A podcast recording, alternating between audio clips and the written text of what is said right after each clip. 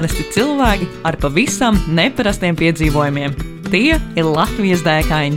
Iedvesmojošas sarunas ar piedzīvojumu meklētājiem par pieredzi un ceļā gūtajām atziņām. Raidījumu vada Ausma un Zane. Esiet sveicināti otrajā Latvijas dēkaņu epizodē. Ar jums arī šoreiz Zane Ausma un jauns foršs viesis Krišānis Kucins. Čau, čau, čau! Čau, Krišāna! Jā, ar jums kopā Latvijas dēkaini, un um, līdzīgi kā pagājušajā epizodē, uh, kurā mēs runājam ar Māri Resni, šodien pie mums uh, daudz jaunāks, uh, nu, gan pieredzes, mazāk bagātāks, droši vien uh, jaunietis Krišāns. Un, um, jā, varbūt tu vari mūsu klausītājiem pastāstīt, kas tu īsti esi. Esmu pašlaik vairāk piedzīvojumu, piedzīvojumu ķērājs, tvērējs, vairāk brīvajā laikā. Nē, esmu noteikti apkrāpies ar pieredzi, bet ar azartu skrienu tai pakaļ. O, kā tā, vairāk studējos, apgūstu zināšanas un, protams, tiekos dabā. Superīgi, Krišāna.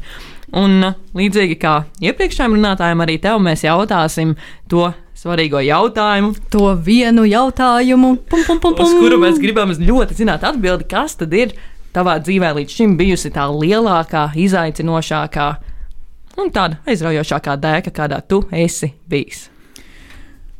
Nu, izteiktākā dēka būtu noteikti dēka, kurā sanāk pēc būtības pavadījusi 150 stundas sabiedriskajā transportā.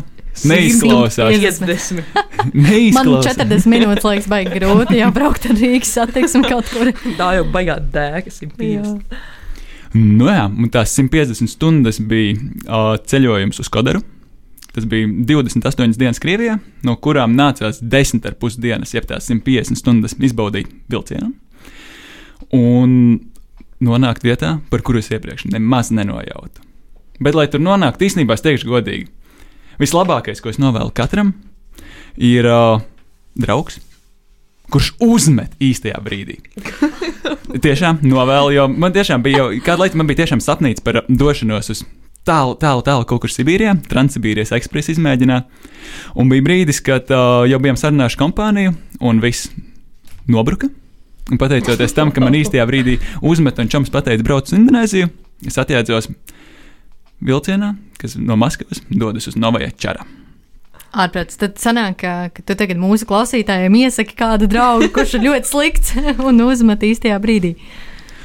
Viņš bija ļoti, ļoti labs. Jo ah, viņam bija var... piedzīvojums, man bija piedzīvojums. Vienkārši mums nebija jādodas tur tajā nebija gadā kopā. Pa ceļam. Nebija pa ceļam. Dons dažreiz ir ļoti, ļoti vietas. Burvīgi. Un uh, saki, kur ir tā vieta? Krievija, es saprotu, bet uh, kur vietā, teiksim, ja mēs skatāmies uz karti, tad apmēram, lai klausītāji var iedomāties, uh, kurā vietā ir jāiedomājas. Mēs paskatāmies milzīgo Krieviju. Ir kreisā roka, tur ir Baltijas valstis blakām, mm -hmm. Baltijas jūra. Ir labā roka otrā pusē klusais okeāns un Japā, Jap, Japāna. Pa vidu Krievijai ir Baikals.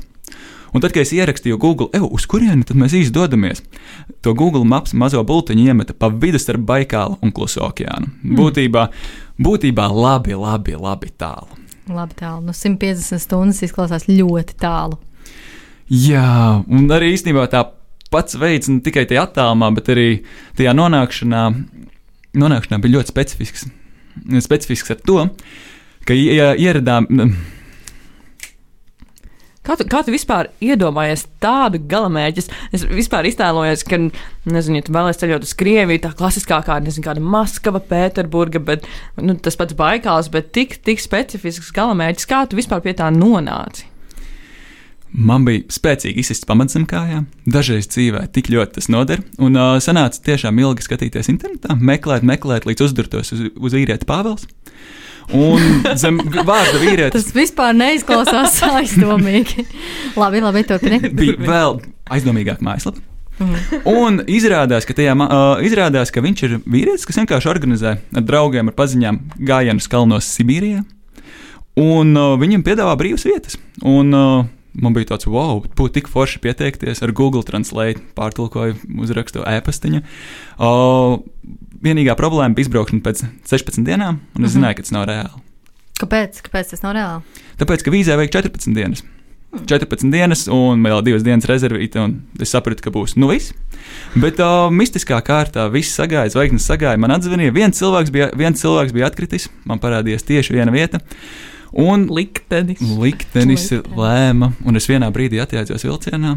Pēc vilciena, pēc četrām pusdienām vienā virzienā, es atjēdzos jau pie lielas kravas, ma kravas mašīnas vaļējo virsmu, kas ir izmantojams urāli, lai dotos ie iekšā vairāk bija sajūta drīzāk militārām vajadzībām, jo tā tiešām bija desanta kaste, kurā mēs sēdējām. Tad mēs pēkšņi atjēdzāmies nu jau kalnos vidū.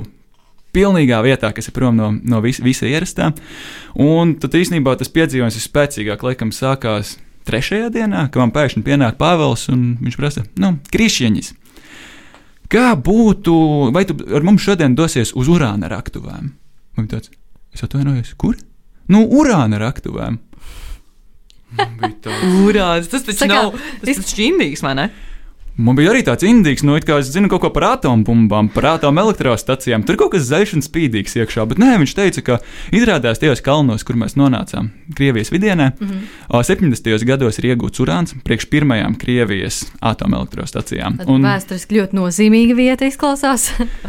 pietiekami nozīmīga un mūsdienās pilnībā aizmirsta. Pilnībā nekas viņu vairs nesaist ar civilizāciju, ar vidieni. Un, jā, un mēs vienkārši devāmies augšā. Un tas brīdis, kad dodies kalnos, nu, ir iztēloties tā klasisko kalnu pārgājienu, un pēkšņi pasakā, ka šajā ielā, kur mēs ejam, neviens nedrīkst dzert ūdeni, jo ūdens ir potenciāli saindēts ar radiāciju. Wow. Tad dodies augstāk, tad tā sajūta tāda mazliet dīvaināka. Tad to, mēs tieši gājām tajā brīdī ar trīs citiem grupas dalībniekiem. Un pēkšņi es dzirdu, ka viens iebļaujas. Jēpī! Kaut kas. Ziļoņīs uzlik! Tāds, kas? Nesaprotu. Tajā brīdī vēl krievu valoda man vairāk ar žestiem, jo es, nu, man ļoti bija problēmas ar krievu valodu. Otrs iesaucas pī! Kaut kas. Ziļoņīs uzlik! Un tas brīdis, kad tu paskaties, un tu ieraugi 20, 30 metru attālumā lēkājam zaļganu, zaļganu susliciņu. Kalni ir pilni ar suslikiem. Nu, krieviņš sauc par suslikiem, tāds kā kaut kas līdzīgs spēlei. Mm -hmm. Pareizi numur trīs, smukā brūnganā krāsā. Un viņš tur lēkā iezaļgans, apkārt mm -hmm. nav veģetācijas, nav nekā, kas viņu varētu iekrāt. Es zinu, ka radiācija tā nestrādā. Bet dodies urāna raktuvēm, tev sāk lēkt, tev parādās zaļgans susliks. Dūša, kas tajā brīdī bija zem punča, ir ieskrējuši vēl dziļāk zem. Papēžos, burtiski duši papēžos. Un, jā, un mēs dodamies augstāk, un kas ir augstāk, un pēkšņi redzi, ka ir akmeņi, un akmeņos parādās zaļgani ieslēgumi. Un man tāds, ugh, kas tas tāds? Un viens no krieviem saka, o, tīra urāna rūda. Es ar savu kreisās rokas rādītāju pirkstu pieskāros urāna rūdei. Es viņu atlaidu, un bija tāds forši, ejam projām. es vairs te nevēlos Bet atrasties. kā, kāda bija tā sajūta? Tu, tu sajūti kādu siltumu vai kaut ko sajūti tā pirksta galā? Teikšu, godīgi, akmens kā akmens, bet uh, es nekad Tā mūžā nebiju sajūta atdā- šeit iekšēji bija tāda ļoti trīceklīga. trīceklīga, un es jūtos kā maza meitene, kas ir. Uh, Pirmo, pirmo reizi iegājusi lielā lielveikalā tikai no otra tipa, ka tāds - ak, dieniņ, un viss es gribu pazust no šejienes. tā kā, Uh, bet, uh, jā, tas nāk, tas pieskāros. Man liekas, ka visiem būs tāda sajūta. Tas brīdis, kad redzi, ka visi apkārt ap to jūsmo, un ka viens no vīriešiem paņem urāna gabalu un iebāž bikša kabatā priekšā, jā, un saka, eta suvenīra. Ko? Un ne jau viņš viņu paņēma. Viņš paņēma, viņš brauca, es no viņa centos izlaikt. Es priecājos, ka mēs negulējām vienā telpā. Klau, jautājums, vai tu no viņa esi dzirdējis kaut ko? jo izklausās ļoti bīstami. Dzirdēts, nav, bet nu, kas gan es teikšu godīgi. Ir, Uh, viņš, viņš neaktivizēts, nav tik bīstams, uh, urānu bagātina. Tad viņš iegūst savu super, super ra- radioaktīvo spektru, bet uh, tajā pašā laikā nav ieteicams viņam tūmā atrasties. Uh, ka Krieva laikos viņi ieguva. Darbiniekiem teica, gulaga cilvēkiem teica, ka tas ir alumīnijs. Viņi ar plikām rokām to visu raka. Mistiski pēc 10, 20 gadiem to visu aiztaisiet ciet. Mistiski, laikam, kaut kur tie cilvēki arī bija aizgājuši mūžībā. Mm -hmm. Bet, nu, ko nu par ā, aizgājušajiem laikiem, un ā, vairāk varbūt par to tavu pieredzi, un kāpēc tieši tev tas bija tik izaicinoši? Tas viss, vai tas bija tas pārgājiens, vai tā bija tā braukšana vilcienā? Varbūt par to tu gribi pastāstīt vairāk, kā tad ir tā non-stop braukt vilcienā tik daudz dienas pēc kārtas. Plus vēl pilnīgi nezinot krievu valodu, jo tas tiešām mums laika prātā sēž, ok, tu dodies uz Krieviju, Transbīrijas ekspreses. Jā, kas tev tā kā Jā. telefonu tu tulko, vai tur vārnīciņu, vai žesti? Man bija muļķīgs maigs. Izrādās visnoderīgākā vārnīca. Bet, jā, vārds pilnībā nezinot, būs mazliet liekas. Es, ma, man bija priekšzināšanas minimāls no skolas, bet tajā brīdī man bija ļoti nepareizs motivācija par krievu valodu. Es biju ļoti nosaidošs, un es paliku uz līmeni da, eto, očin, da. Un uh, tiešām bija problēmas. Un tajā brīdī, kad es sapratu to, ka es aizbraucu un tiešām neko nesaprotu apkārt. Mm -hmm. Un tajā brīdī īstenībā tev, par, tev parādās kaut kādas mazas, mēģina izspiest tās mazas spēļas, un tu saproti to, ka īstenībā cilvēkam ir acis, cilvēkam ir smaids. Tu mēģini skatīties, meklēt tās mazās, mazās, mazās, mazās acerieviņas, kuras sāk sarauties, un tu saproti, tas ir bijis joks, ir jāsāk smieties. Un tās mazās lietiņas, ko tu īstenībā saproti, kas padara, padara to visu, ka tu lēnītam sāc braukt ārā no situācijas. Par pašu vilcienu es biju diezgan nobijies. Jo četras pusdienas tas bija vienā gabalā garākais pārbrauciens, līdz ar to bija vēl četras pusdienas, un plus vēl pa gandrīz dienai šurp turp uz Maskavu. Un uh, es varu pateikt vienu lietu. Tas bija pasakaini. Bija tik daudz laika pārdomāt, visu, bija tik daudz laika arī sapazīties. Un ko nozīmē sapazīšanās? Nu, tas nozīmē, ka kā, centies kaut ko pateikt par sevi, neko neizdodas. Tev pretī mēģina pateikt, dīži nekas neizdodas, tad tu mēģini novērsties un pārbaudīt, vai blakus kabīnē ir tiešām tā tolete, ka tu paspēj to kājiņu uz augšu un tu redzamas sliedes. Saproti, ka jā, ar to arī tas apmēram tā, tā tīrā braukšana, brau, braukšana sajūta, ka arī beigsies, un tā bija mana pirmā diena, ka tas būs viss. Tā kā ok, ir forši, bet kaut kā trūkst. Un, uh, Tas, kas, kāpēc man īpaši kaut kā trūka, jo lētākās biļetes ir otrajā stāvā, platskartītē. Tas nāk tāds pilns pārbāzts vagons, ir 52 cilvēki, 52 zeķu pārīši. Viņi visi tā kā labi, patīkami smaržotie riņķi. Mm. Un mm, mm, mm. nakti dienu, nakti dienu. Un viņi tikai kaut kad jau pierod, jā. jā. jā. Tas tā kā Māris iepriekšējā podkāstā arī uh, minēja par to, ka. Uh, tu jau nejūti, jā, jā, tu jau nejūti kaut kādā brīdī vairs nu, pārstāji just to aromātu, un tu vienkārši pierodi pie viņa. Jā. Tas, jo tu paliec viens no viņiem. bet, jā, bet īstenībā tā cilvēka un tā pieredze, jo arī pirmā nakts, pirmā nakts augšā iespiedies savā mazajā vietiņā, man ir tik daudz vietas, es nevaru ceļus saliekt pilnībā, es sedāju, ka es spiežu augšā vilciena jumtu, un tas nav īsti ieteicams mm, vilcienos. Un uh, es jūtu, ka man kaut kas daudzās slēg pie kājām, un es pagā, pabāžu galvu ārā, un tas, ko es ieraugu, ir milzīga, milzīga, es atvainojos, apaļīga vīrieša galva ar nošļukušiem vaigiem. Es izbaužu galvu nedaudz vēl, vēl vairāk. Bija gaišs vai bija tumšs? Bija tumšs, bet tā kā ir tāpat kā mēnesis gaismā, tu paskaties un ieraugi. Mēnesis gaismā, kas spīd no mazajiem, ma, ma, ma, mazajām, mazajām, mazajām zvaigznītēm. Bet jā, mēs ieraugām ieraug to ieraugu galvu un es redzu supernīgu skatienu savā virzienā, jo viņam visu laiku sejas sitas gar manām kājām, kas ir, nu jau es smaržoju tāpat kā visi, 52. un es pastos zemāk un es redzu viņam 50 gadiem, viņš tāds nošļucis, bezroku maiciņa. O. Un tīrs nīgrums sejā, un mēs saskatāmies.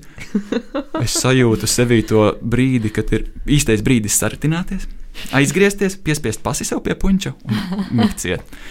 Un no rīta, kas, protams, ir pasakaini vilcieniem, tev nav variants tā kā, nu, nu ko citu darīt, tev vienkārši jākāp lejā, jādod ārā, ārā ar mazā pieturiņa, gribas izsteipīt nedaudz kājas un noej lejā, un pirmais, ko tu redzi, ir viņa atkal skatiens, bet tur ir kaut kas mainījies. Viņam jau parādās vārds ah, - drug!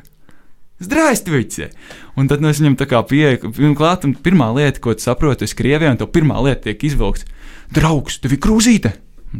Jā, un viņa bija kvasika.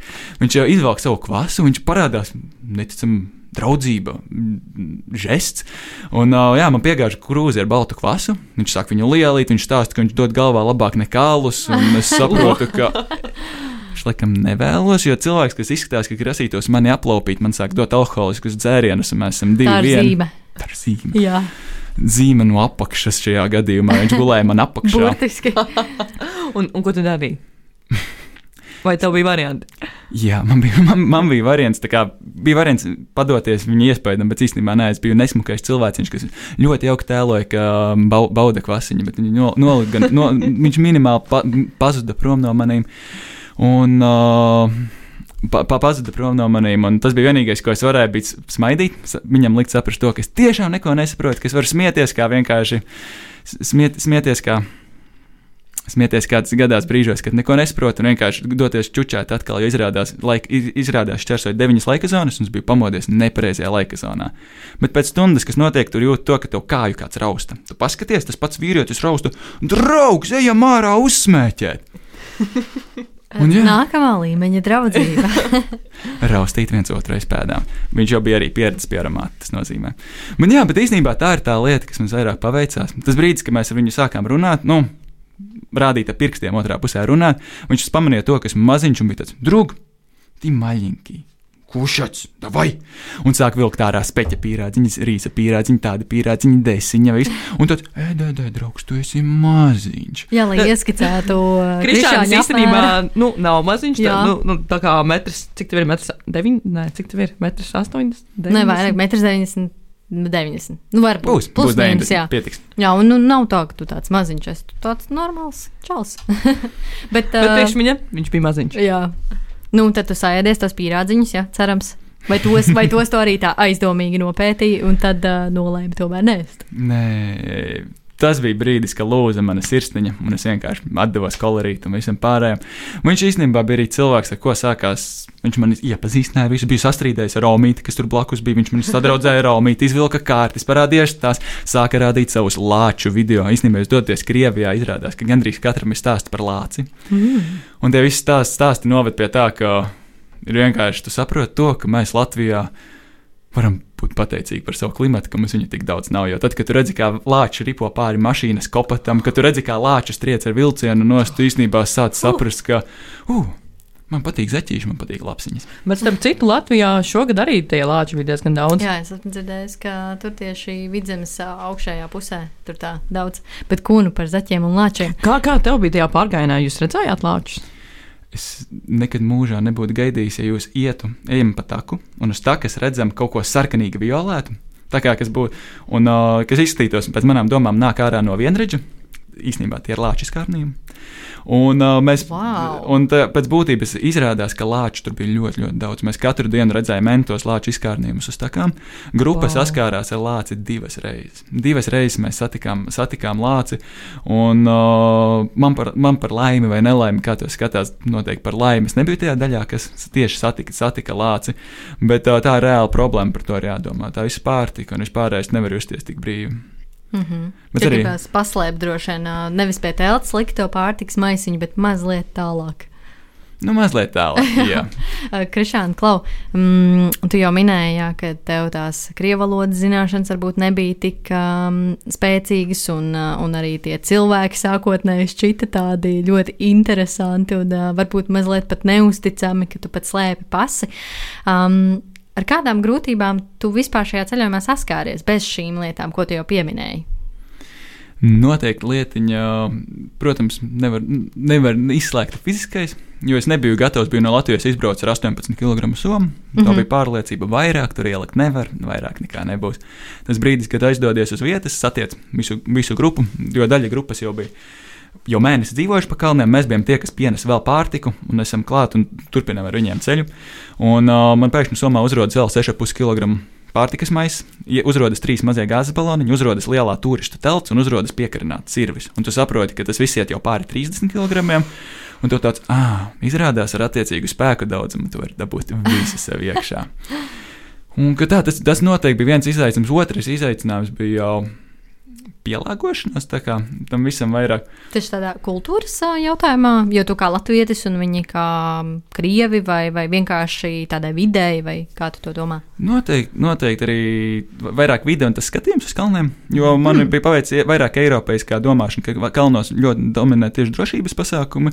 Tajā gadījumā, kad ej pāri ar 30 kg somu, ej pāri kalnu upē, kas ir to līdz līdz urānu, viduklim. ja pa ceļam neizklausās pārāk droši. Nē, ka tas spēcīgi iztrūka, bet uh, mm. tur, protams, bija profesionāļi, un bez, kā, tas vecs vadītājs bija tiešām profesionāls. un Ar, ar to, protams, viss kārtībā. Bet tad, kad tu krāpies augšā pa klinti un tev no rokas tev atdalās akmens. Tu atdalās akmens, tu viņu noliec fiksi atpakaļ. Un saproti, ka tev nav striķa, un tu, tur nu, labi nebija daudz, bet tur bija tie trīs metri, kas tik un tā nebūtu labākā lieta, pa kuriem nožauties. Un uh, tu jūti, ka vajadzētu, varbūt, hmm, varbūt vajadzēja kaut ko piesiet tomēr. Tad tu saproti, ka jā, īstenībā tur mazliet tās skolas atšķiras, bet atkal, nu, tas noteikti arī nebija tā, ka no nulles tur būtu jādodas. Un saka, kā vispār šādas pieredzes var atrast? Ja nu es tagad klausoties to tavu sarunu, iedvesmojos, jo šis izklausās pēc uh, piedzīvojuma, pēc dēkas, kuru es gribētu piedzīvot. Kā kaut ko tādu atrast, vai tiešām tu googlē pavadīju Tumšajā internetā. Jā, kā, kā, kā pie kaut kā šāda nonākt? Tā ir neatlaidība. Es teiktu, vairāk un uh, domāšana laicīgi, ja gribu atrast tiešām pasakainu piedzīvojumu. Es laikam vienmēr, katru gadu esmu sācis meklēt jau apmēram novembrī par nāk, nākamās, nākamā gada vasaru, jo nākamajā gadā no šīs iedvesmojas un pats nedaudz, mēs savā draugu kopā braucām kāpt uz Kirgistānu kalnos. Un ot, otrs variants ir uh, tiešām arī vienkārši meklēt un vienkārši uz, meklēt cilvēkus, kas uh, īstenībā ar kaut ko meklējuši, ir gatavi, kam tādam īstenībā ir Latvijā pilni cilvēki, kas vēlas ko darīt, kam ir arī pat bieži zināšanas, bet trūkst varbūt. Trūkst komandas jautājums. Jo man arī sākumā mēs bijām pārliecināti, ka mēs dodamies divi tādi pāri, pāri Sibīrijai. Un man bija sajūta, ka man draugs teica, ka man nav īsti citu variantu. Un nācās vien meklēt ko citu. Dažreiz ir īstenībā tā lieta, ka mēs esam vienkārši nu, patīkloties pameklēt. Man īstenībā liekas, šis ir pasakains veids, kā kur atrast varbūt kādu iedvesmu un varbūt arī kādu cilvēku. Ko tu parasti dari, kad dodies pārgājienā un tev reāli apnīk? Nu, es laikam sāku dungot. Na, paču, paču, na, na, paču, paču, paču, na, na, na. Iedvesmojošas sarunas ar piedzīvojumu meklētājiem, viņa pieredzi un ceļā gūtajām atziņām. Katru otro trešdienu, pulkstens 11. Radio Nabaviļņos. Raidījumu vada Ausma un Zane. Klau, vai bija kaut kas, ko tu gribēji zināt, varbūt pirms tu devies turp, Un tu nezināji, un tu nezināji? Vai, vai, piemēram, tu tagad tā domā, un bācies, šito būtu zinājis, visticamāk, es tur nebūtu braucis. Jā, stabili tā ir lieta, tie dokumenti. Jo trī, trīs dienas pirms izbraukšanas man pēkšņi paziņoja, ka ir nepieciešama speciāla uzturēšanās atļauja parakstīt. Savādāk, izbraucot no Krievijas, ir 5000 rubļu sots un noteikts laiks, cik tu nevar īsti ieb- iebraukt atpakaļ. Un man bija pirms gada bija problēmas Baltkrievijā robežsardzes. Es biju rakstījis protokolu robežsardzē par nelegālu robežas šķērso, šķēr, mē, šķērsošanas mēģinājumu. Bija iebraukšanas kā, uh, aizliegums Baltkrievijā to brīdi, un saprotu divas dienas pirms braukšanas uz Krieviju, ka man ir reāls problēmas, jo nekad, nekur tas nefigurē. Jo uz Krieviju parasti dodas vai nu uz viesnīcu, attiecīgi atpūsties, vai arī ar turismu grupu. Bet es atradu vienkārši cilvēkus, un uh, es norādīju uz uh, vīzā, ka es vienkārši tā kā nu, arī, kad dodos, bet izrādās man bija, bija pie kāda jāpiereģistrē. Jo Krievijā, ja tu esi virs septiņām dienām, tu jābūt reģistrētam. Un tas arī īstenībā bija jautrs stāsts, jo īstenībā pusi ceļa visu laiku katrā pieturā meklēju kādu vietējo, kur mani varētu piereģistrēt. Tas arī īstenībā izviesās varen jautri. Un ko es varu teikt? Krievijā ir zelta omītes. Man tiešām izdevās neticamā vietā Novajā čara divos naktī pierunāt sievieti, iedot pasi, parakstīt dokumentu, ka viņa, kā, nu, ja nu kas, viņa atbild par to, ka esmu pie viņas pieregistrējies. Wow. Un pēc tam, pēc uh, divām nedēļām, mani satika tajā pašā vietā un atdeva vajadzīgo daļu. Tik burvīgi! Tas tiešām izklausās tiešām forši. Tas uzreiz, man liekas, arī lauž tādus stereotipus mazliet par tādu, nu, ā, mūsu kaimiņu valsts kultūru. Vispār man liekas, vispār arī tas, ka tev tas draugs ir pēdējā mirklī atkrita, tas pilnīgi pierāda, ka lietas notiek tā, kā tam ir jānotiek. Skat, ka tu pat Tomītu varēji atrast Jā. naktas vidū. Divos naktī, un pēc tam vēlreiz viņu satika pēc divām nedēļām. Wow, nu superīgi. Bet, nu, tad varbūt tā, virzoties jau lēnām uz sarunas otru daļu, mums ar Zani vienmēr patīk doties piedzīvojumos arī tepat Latvijā. Un, uh, Krišāni, kā tev ir ar piedzīvojumiem Latvijā? Ui, šis laiks ir īstenībā, laik, laikam, tiešām. To būs dzirdējuši visi, un visi to saka, tiešām patīkami, ka beidzot mēs tiešām skatāmies pa taisno uz Latviju. Mm. -hmm. O, šovasar ir bijis tiešām arī pas, pasakains piedzīvojums ar draugiem, no, kas bija tieši vairāk piedzīvojums Latvijā. Kur pēc būtības tas bija vienkārši pārgājiens pa skaistu vietu ar ideju doties no Dagdas uz Krāslavu, garām Latvijas dziļākajam ezeram drīzim, bet ar vienu nelielu izņēmumu. Tas, ka mēs dodamies pilnīgi bez jebkādām tehnoloģijām. Bez telefona, bez pulkstenes, bez lukturīša un bez jebkā, kas varētu saistīt ar kādu civilizēt- civilizēto lietu. Mm, un tajā brīdī parādās tā burvība un tā odziņa, ka īstenībā tu Latviju skaties savādāk, jo es nekad nebiju gaidījis, ka es pulkstens septiņos no, starp sešiem un septiņiem būšu iepazinies ar trīs dažādiem sētniekiem, lai noskaidrotu laiku. Šis izklausās ļoti labi. Cik, Ā, cik dienas tu biji kopā? Um, kopā tās bija trīs pusdienas. Tas, protams, mm -hmm. tas nav, nav, nav, nav nekāds tālais un mm, ilg, ilgais ceļš, bet tas bija pasakains piedzīvojums, jo trīs dienas tu nezini, cik pulkstenis. Trīs dienas tev nav skaidras nojausmas. O, simtprocentīgs ne par atrašanos, ne par vispārējo to līdzi. Ir vienkārši karte, kas ir šķirstāmā veidā. Tu uz viņu skaties, tu uzticies, un pats jaukākais, tiešām vairāk satiec cilvēkus. Un tad parādās tā latgāles labestība. Tev nebija sākumā tāda mazliet um, baiļus un satraukuma sajūta, ka tu kā nekontrolē. jo Es vienkārši esmu tāds riktīgs, uh, man ļoti patīk kontrolēt savu dzīvi. Nu, ka tev ir sajūta, ka tev ir kontrole pār jā, situāciju. tieši tā, nu, līdzīgi, jā, ka tu tā kā Ja zini. tu esi apmaldies, tad tev būs tas telefons. Ah, GPS, jā, šeit tu es uzreiz atrodi, jā, Tā ir īstā tā. nezinu. Tev tā nebija. Viens, viens, divi, ja gadījumā tas apmaldījies. jo tajā situācijā, jā, un tā kā tā domā, nu, jā, vai nebija tā mazliet tā stresaini? Man bija pasakānākais backups. Tie bija paši labākie draugi, mm. ar kuriem es zināju, mēs kaut Viena. un viena ir- Vairākas galvas gudrākas par vienu. Jā, un nu, tā galvenā sajūta, ja mēs kaut kur aizdosimies šķērsām, tā kā man ir sapratīs. Un tas viss būs kārtībā, jo Latvijā pēc būtības, ja tu ej taisni un nesāc riņķot uz riņķa, īstenībā nekas traks nevar notikt. Mm -hmm. Bet kā izrādās, mēs attiecāmies, ka arī ejot taisni var attapties tomēr arī pat miljonāra villā, aizliegtā teritorijā. Un, uh, Trīs suņi jau uzreiz skrien tev virsū. No, no, no tā virziena. O, jā. Tur gan vairāk bija ģimenīte ar septiņiem bērniem, kas Ah. bija varami pārsteigti tādot savas ņemīgās vakariņas, kad ierodas pieci dēkaņi ar milzīgām mugursomām un prasa, vai šeit varētu palikt. Hmm. Vai jūs tur arī palikāt? Negluži. Mm. Mēs nopeldējām, mēs nopeldējām, mūs izvadīja pa to teritoriju, bija pasakāna lab, laba sirdība. Tad mēs īstenībā, mums, mums pateicoties tam, deva tādu kā pavadienu, un mēs tikām tālāk uz vietu, kur bija tiešām pasaka, pasakāna iespēja palikt pa nakti. Starp citu, um, ļoti līdzīgs arī piedzīvojums, uh, ko, ko arī varētu īstenot, un man pašai ļoti, ļoti gribās. Ir, um, kad tu sarunā kādu draugu, Mhm. um, kas tevi un varbūt vēl kādu paziņu, lai tu neesi tāds super vientuļš. Vai varbūt piecas Vai dēkaņas? piecus dēkaņus, arī ļoti perfekta kombinācija, bet um, ievad mežā. Mm. Kur Ievad tas vedzana? Un, uh, jā, un tev, uh, tev nav ne jausmas, kur tu atrodies. Tev, uh, tajā brīdī, kad tev izmet mežā, tev ir aiztaisīts acis. Uh, tu nezini, kur tu atrodies, um, bet tev ir pateikts galamērķis. Tev, teiksim, pasaka, nu, pieņemsim, tāds, uh, tev izmet, piemēram, Siguldā un pasaka, ka tavs galamērķis ir cēsis. Bet neviens nesaka, ka tu esi izmests Siguldā. Uh, un tev nav ne telefons un kāds GPS, nekā tev arī ir tikai karte, un tu arī nezini, kā vispār tikt ārā no tā meža, ja? un kur ir tā kā tuvākā, tuvākā apdzīvotā vieta. Un uh, tas, ko tu darījāt, tu dodies um, uh, cauri mežam. Uh, Pa labi, pa kreisi, nezinu, mēģina orientēties, mēģina apmēram saprast, kur tu Pēc kur, kur tu, saules. pēc saules, jā. Un, uh, un, jā, un tad tu atrodi pirmo apdzīvoto vietu, tu noskaidro, kas tā ir par vietu, un tad jau tu no turienes sāc tā kā plānot tālāk savu ceļu. Un, uh, jā, man liekas, tas arī varētu būt tā ļoti interesanti. Bet uh, runājot par tādiem ļoti interesantiem piedzīvojumiem tieši Latvijā, uh, tu minēji šo, bet um, varbūt uh, ir vēl kāds. Um, Piedzīvojums, ko tu varētu ieteikt uh, mūsu klausītājiem, ko var īstenot tepat Latvijā. Jo es pieļauju, ka šis, ko tu stāstīji, arī noteikti būtu tāds um, ievērības cienīgs.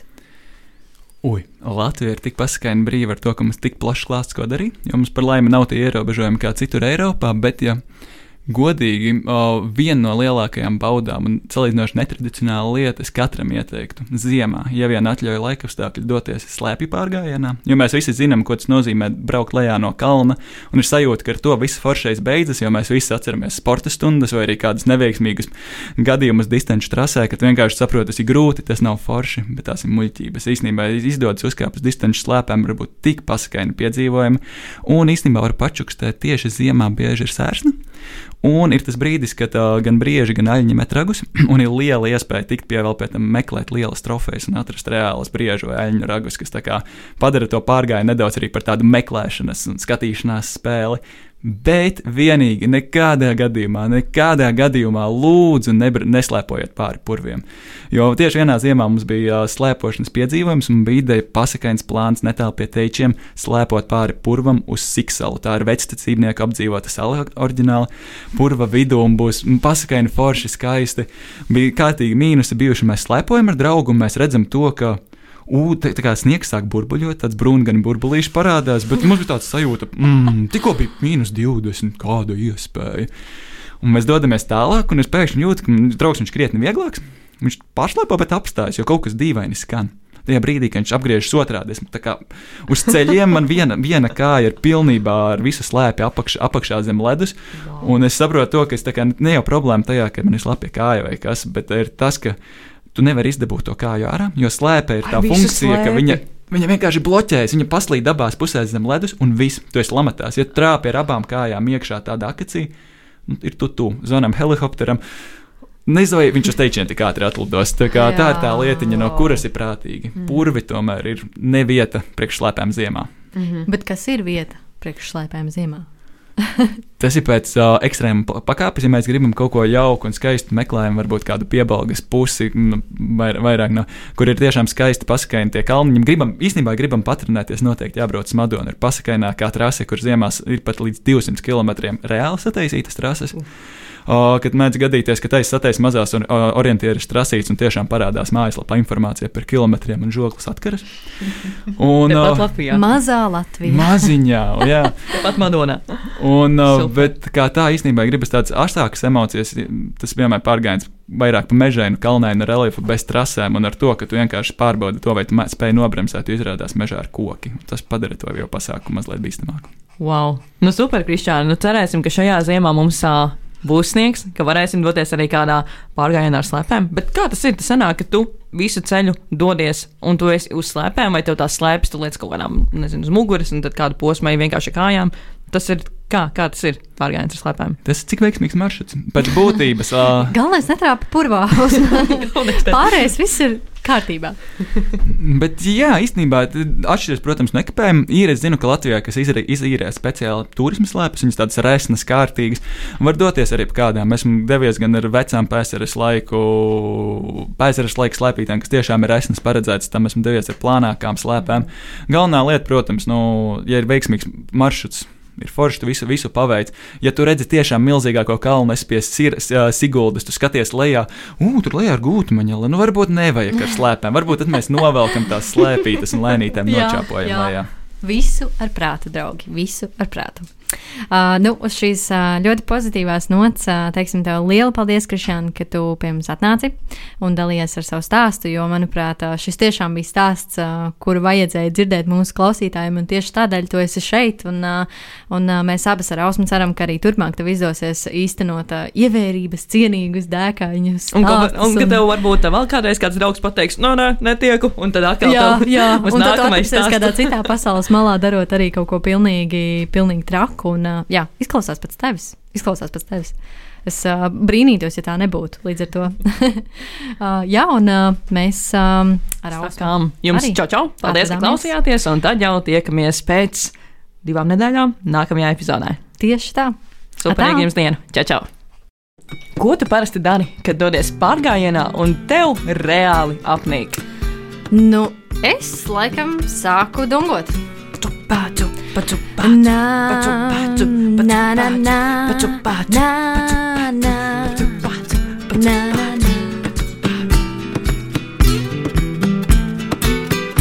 Iedvesmojošas sarunas ar piedzīvojumu meklētājiem, viņu pieredzi un ceļā gūtajām atziņām.